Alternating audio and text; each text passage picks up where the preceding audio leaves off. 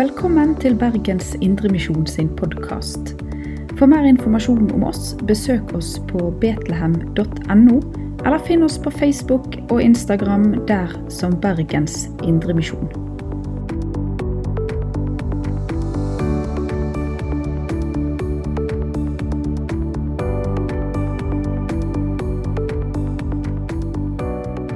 Eh, Vi reiser oss, så leser vi eh, søndagens tekst.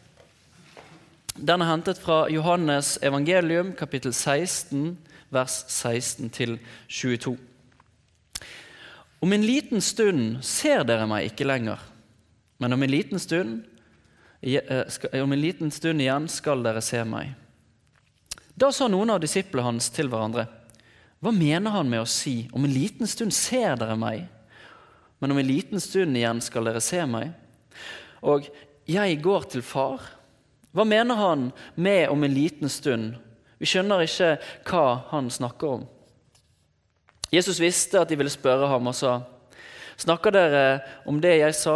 Om en liten stund ser dere meg ikke lenger, men om en liten stund igjen skal dere se meg.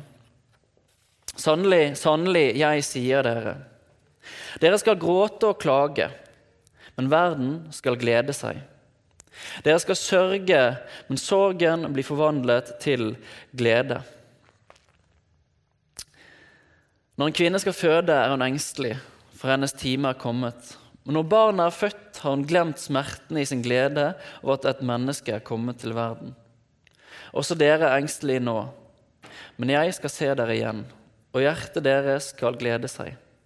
Og ingen skal ta gleden fra dere. Hellige Gud, hellig oss i sannhet. Ditt ord er sannhet.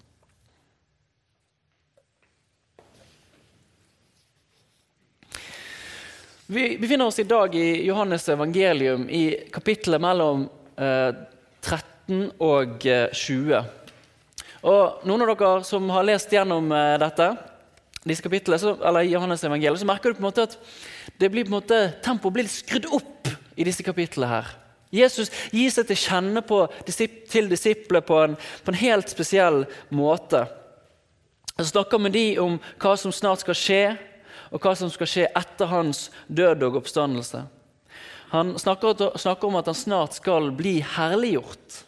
Og denne herliggjørelsen er det som skjer på korset, hvor han forsoner hele verdens synd med seg sjøl.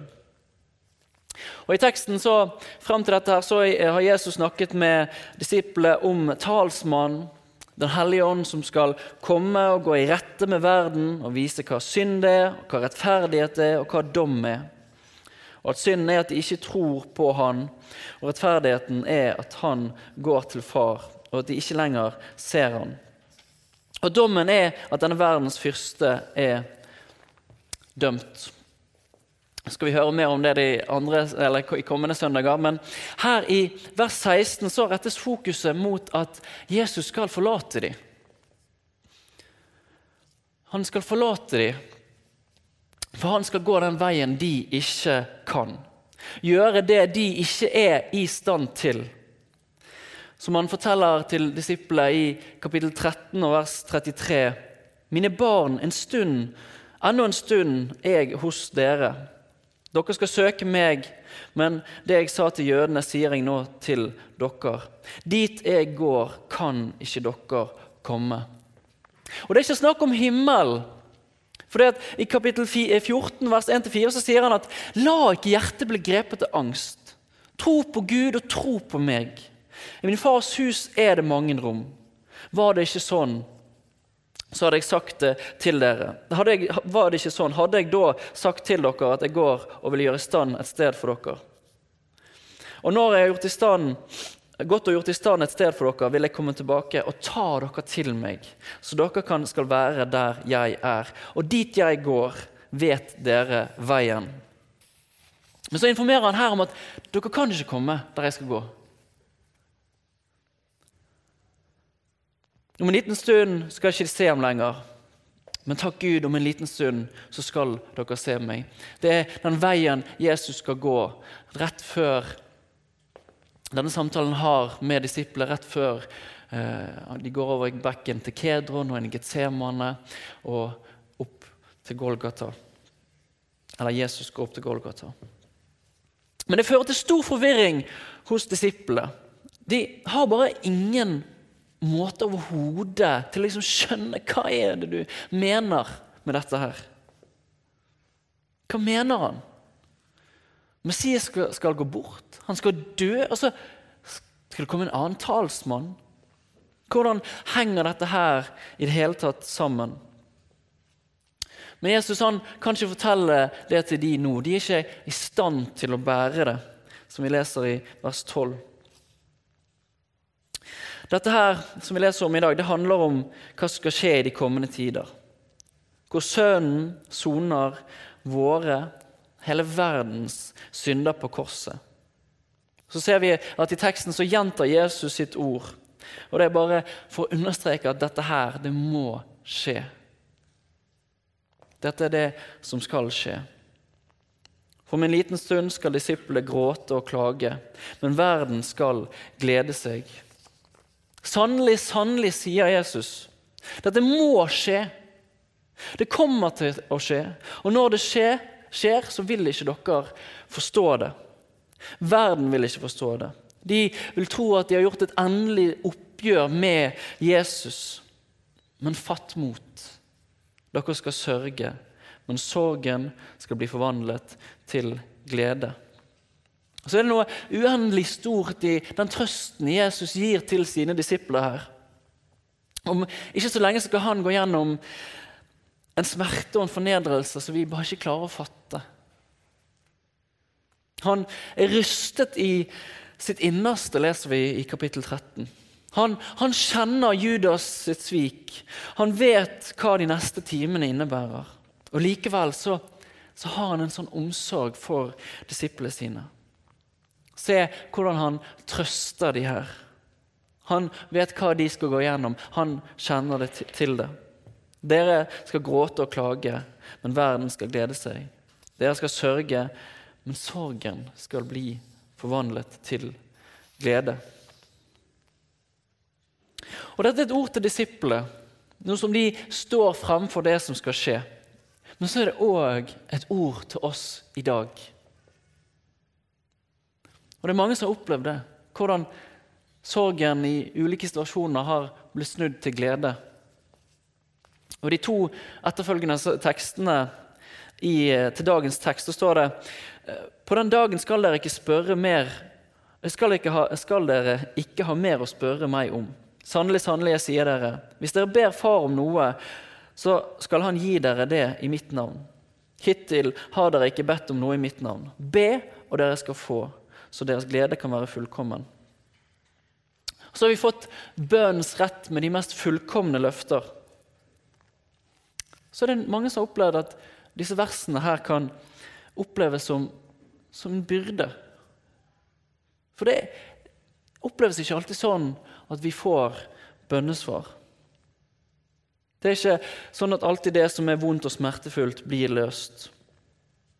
For det kristne livet det er òg et liv i kors og trengsel. Og det kan være sykdom, det kan være smerte, det kan være synd og til og med djevel.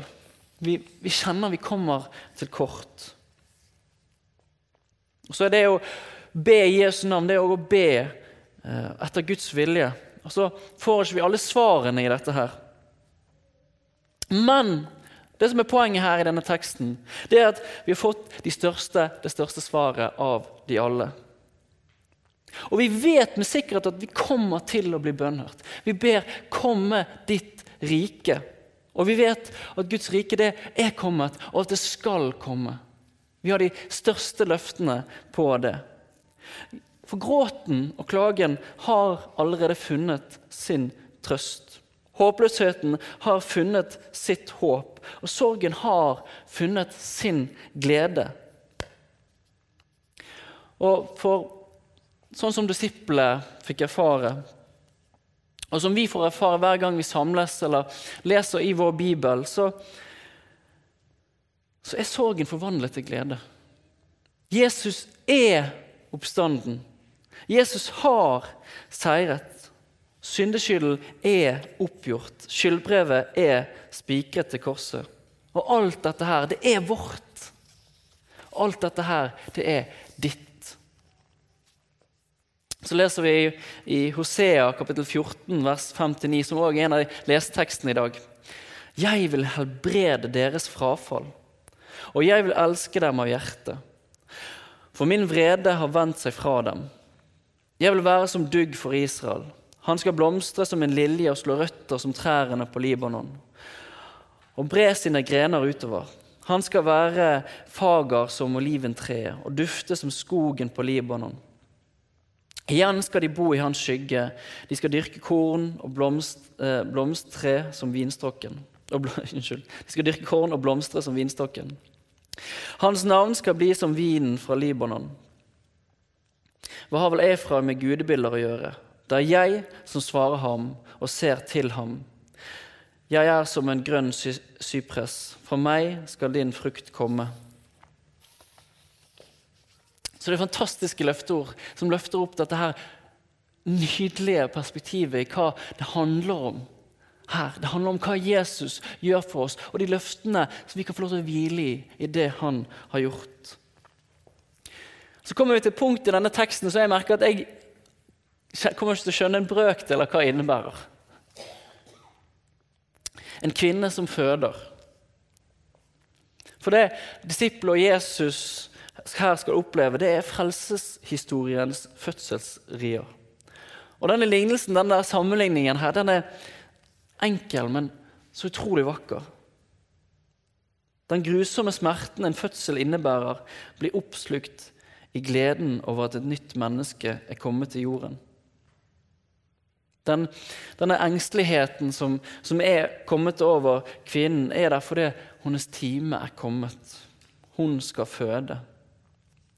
Og Her er timen kommet til Jesus. Timen for Guds rikes gjennombrudd i herlighet og makt på et kors.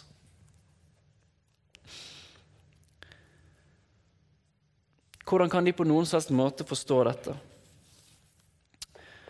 Og Disiplene var ikke i stand til det, og vi, vi er jo ikke i stand til det i oss sjøl. Det, det er Guds dom over vårt intellekt og verdens visdom. Og Like stort som livets mysterium så er, så er dette her fantastiske mysteriet som vi får lov til å ta del i. Det med fødsel, eksempelet som er brukt, er ikke tilfeldig. For her er det snakk om nyskapelsen, oppstandelsen. Alle mennesker som blir født inn i denne verden, vi blir på en måte født med ja, et timeglass over, over vårt hode. Og det er en forferdelig ubehagelig tanke. Så er det likevel realiteten. Vi vet at vi alle skal bli lagt i jorden. Men i Jesus Kristus så skal vi bli reist opp igjen. Til et nytt liv. Så blir begravelsen bare kornet som blir lagt i jorden. Og døden den blir oppslukt til seier. Jesus er stått opp, og vi skal sammen med ham stå opp en dag. Og Derfor så er dette håpet det er noe som strekker seg mye dypere. Ja, det er en glede vi kan kjenne på, men det er mye dypere enn det. Derfor vet vi at våre bønner blir besvart. Timen er kommet, og timen kommer. Jesus skal snart bli tatt fra disiplene, og det skal føre til sorg. Men han skal stå opp igjen. Og som et barn kommer til verden, skal han stå opp til seier. Jeg skal se dere igjen, og hjertet deres skal glede seg. Og så hører vi Og ingen kan eller skal ta gleden fra dere. Ingen og ingenting kan noen gang ta fra oss disse evige løftene som er gitt til oss i Jesus Kristus. Vi er døpt til hans død, og vi er døpt til hans oppstandelse. Det gjelder i livet nå og det gjelder i tiden som skal komme. Og så En av disse fortellertekstene til eh, i dag det handler om, det kommer fra 1. Samuels bok, kapittel 17, vers 3-11 og 37-50. Og Jeg vet ikke om dere eh, kjenner igjen den på stående fot. Det er da fortellingen om David og Goliat. Og Mange av dere har gjerne hørt denne fortellingen lagt ut på denne måten her. Vi er David, og vi har et problem eller en utfordring, og det er Goliat. Og så vil du med Guds kraft kunne utslette dette problemet. Og Den innfallsvinkelen kan fortelle oss noe om bønnens kraft. absolutt. Men det ligger noe dypere i denne fortellingen. Noe mer grunnleggende. Vi leser i den fortellingen om at israelittene står på den ene siden, og så står filisterne på den andre siden av en, av en fjell, på hver sin fjelltopp. Og frem så kommer denne svære karen. En gigantisk mann som heter Goliat fra Gat. Han var seks al og et fingerspenn høy. Fingerspenn er viktig. På hodet hadde han en bronsehjelm, og han var kledd i en skjellbrynje av bronse. Den veide 5000 sjekel. På leggene hadde han bronseskinner, og på ryggen bar han en sabel av bronse. Skaftet på spydet hans var tykt som en vevbom, og eh, spydspissen av jern var av jern og veide 600 sjekel. Skjoldbærerne gikk foran han, og Goliat stilte seg opp og ropte til Israels hær. Hvorfor drar dere ut og gjør dere klar til kamp? Er ikke jeg en filister og dere Sauls tjenere? Velg ut en mann og send ham ned til meg. Hvis han kan kjempe med meg og felle meg, skal vi være slaver for dere. Men hvis vi jeg vinner over ham og feller ham, skal dere være våre slaver og tjene oss. Og filisteren fortsatte. I dag har jeg hånt Israels hær. Send hit en mann, så skal vi kjempe med hverandre. Da Saul og israelittene hørte hva filisteren sa, ble de svært redde og mistet motet. I denne historien her så er ikke det det David vi først og fremst kan assosiere oss med. Det er Saul og israelittene. Det er oss.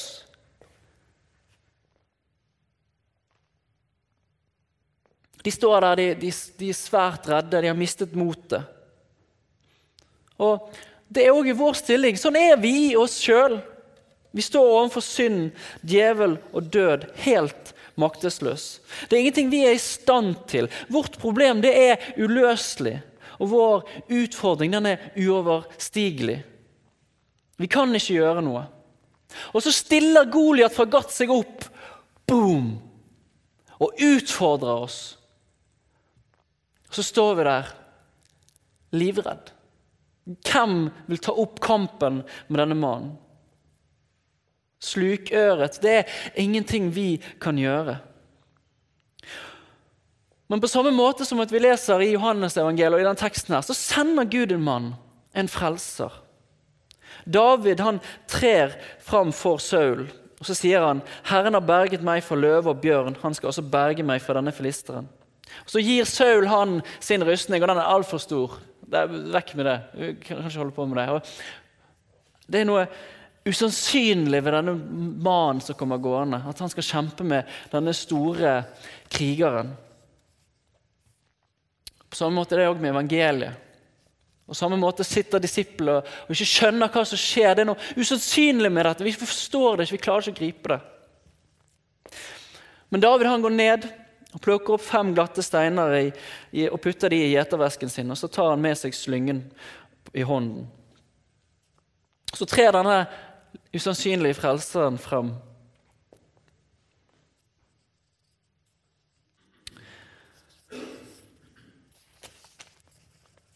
Og så leser vi Imens kom filisteren nærmere og nærmere David, og skjoldbæreren gikk foran ham. Da filisteren så, for ham, så fram for seg og fikk øye på David, fnyste han foraktelig av dem. For David var jo bare unggutten, rødskinnet og vakker å se til. Tror du jeg er en hund, siden du kommer mot meg med kjepper? ropte filisteren til David. Og han forbannet David ved sine guder. Kom, kom hit til meg, sa han, og jeg skal gi kjøttet ditt til fuglene under himmel og dyrene på marken. David svarte, det kommer mot meg med sverd, spyd og sabel. Men jeg kommer mot deg i navnet til Herren over hærskarene, Han som er Gud for Israels hær, Han som du har hånt. I dag, jeg, I dag vil Herren gi deg i min hånd. Jeg skal slå deg i hjel og hugge, hodet av deg. Og liket ditt og likene fra filistrene skal jeg i dag gi til fuglene under himmelen og til villdyrene på jorden. så skal hele jorden forstå at Israel har en gud, og alt dette folket som er samlet, skal forstå at det ikke er med sverd og spyd Herren gir seier. Det er Herren som rår for krigen, og han skal overgi dere i våre hender. Så springer David mot Goliat, slynger steinen, og så kjenner vi historien. Den treffer Goliat, og David vinner en seier over filisteren. Så er denne historien ganske brutal for moderne ører. Han er, han er brutal. Men det jeg vil at dere skal legge merke til her, det er at budskapet om Jesu død på Golgata det er her et, et blodig motbilde. Vi møter her i begge tilfeller dommens og syndens realitet. Det, det er død. Men så midt i dette så kommer Gud til oss. Så dette, Denne fortellingen er et grunnleggende bilde på Jesus' sin tjeneste og hva han har gjort for oss. Når Jesus noen timer fra det han sier til disiplene her, henger på et kors, så vil verden fnyse av ham. De vil glede seg over at alt står til seier. Det ser så usannsynlig ut. Og Som Golat fnyste og denne usannsynlige motstanderen i David så håner og fnyser verden og gleder seg. Jesus er borte. Vi har tatt et oppgjør.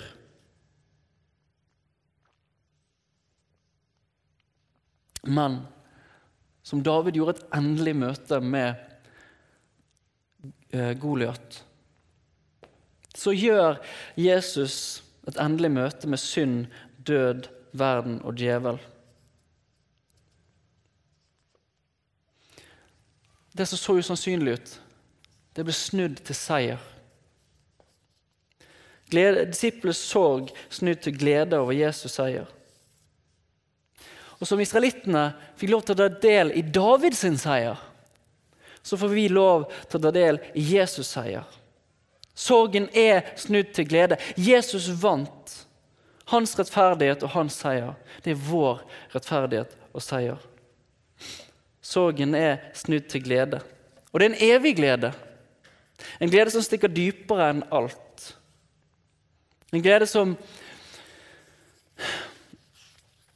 Jeg ble litt utfordret på disse tingene her i går. Dette her er jo en tekst utlagt fra evangeliet. og Kanskje ikke jeg er den flinkeste pedagogen og klarer å formidle det på best mulig måte, men denne seier som Jesus ga, det å få lov til å stadig få høre det. Det er det som er kraften i vårt kristenliv. Det er der det kommer fra. Og Vi må få lov til å høre det, for vi, vi, prøver, vi feiler. Så la meg få lov til å høre det. La meg få høre fortellingen om hva Jesus har gjort. For denne gleden som er i det, den står gjennom alt. Som, som Peter Fortellingen til Peter hvordan han faller ned for Jesu knær. Gå vekk fra meg, jeg er en syndig mann. En sann bønn, men istedenfor å høre på denne bønnen, sier Jesus nei, reis deg opp. Følg meg. Så ser Peter som fornekter. Så ser jeg liksom at får lov til å høre, eller få, møte Jesus igjen med nåde og tilgivelse og et kall til etterfølgelse. Og Du ser at det er, en, det er denne gleden som bærer gjennom alt. Og så var ikke Peter perfekt. Altså I Galaterbrevet leser vi om hvordan han hyklet. Han syndet. Men så får han lov til å returnere til dette. Returnere til budskapet om hva Jesus har gjort for han. Og for deg. Det er der kraften til kristenlivet ligger. Vi er nådemiddeltro. Vi trenger å høre det igjen og igjen. og igjen. For det er der gleden ligger. Den gleden som bærer gjennom alt. Det som kan være tøft, det som kan være vanskelig. Så har vi en fullkommen seier. Så kan det se mørkt og trist ut, men det er liksom det kristne livet her på jorden. Det, det er motsatt. Opp, ned noen ganger. Det er liksom en, det er et menneske som bærer en fullkommen seier. Det er rettferdiggjort. Og så kan det se motsatt ut. Det er Jesu rettferdighet som blir gitt til oss. Gitt til deg. Så kan du få lov til å hvile det. Hvile i det. Som det står i Feserbrevet kapittel 4, vers 4-10. Men Gud er rik på barmhjertighet. Fordi han elsket oss med så stor en kjærlighet, gjorde han oss levende i Kristus. Vi som var døde pga. våre misgjerninger. Av nåde er dere frelst. Slik vil Han i de kommende tider vise hvor overstrømmende rik Han er på nåde, og hvor god Han er mot oss i Kristus Jesus. For nåde er dere frelst ved tro. Det er ikke deres eget verk, det er Guds gave. Det hviler ikke på gjerninger for at ingen skal skryte av seg sjøl.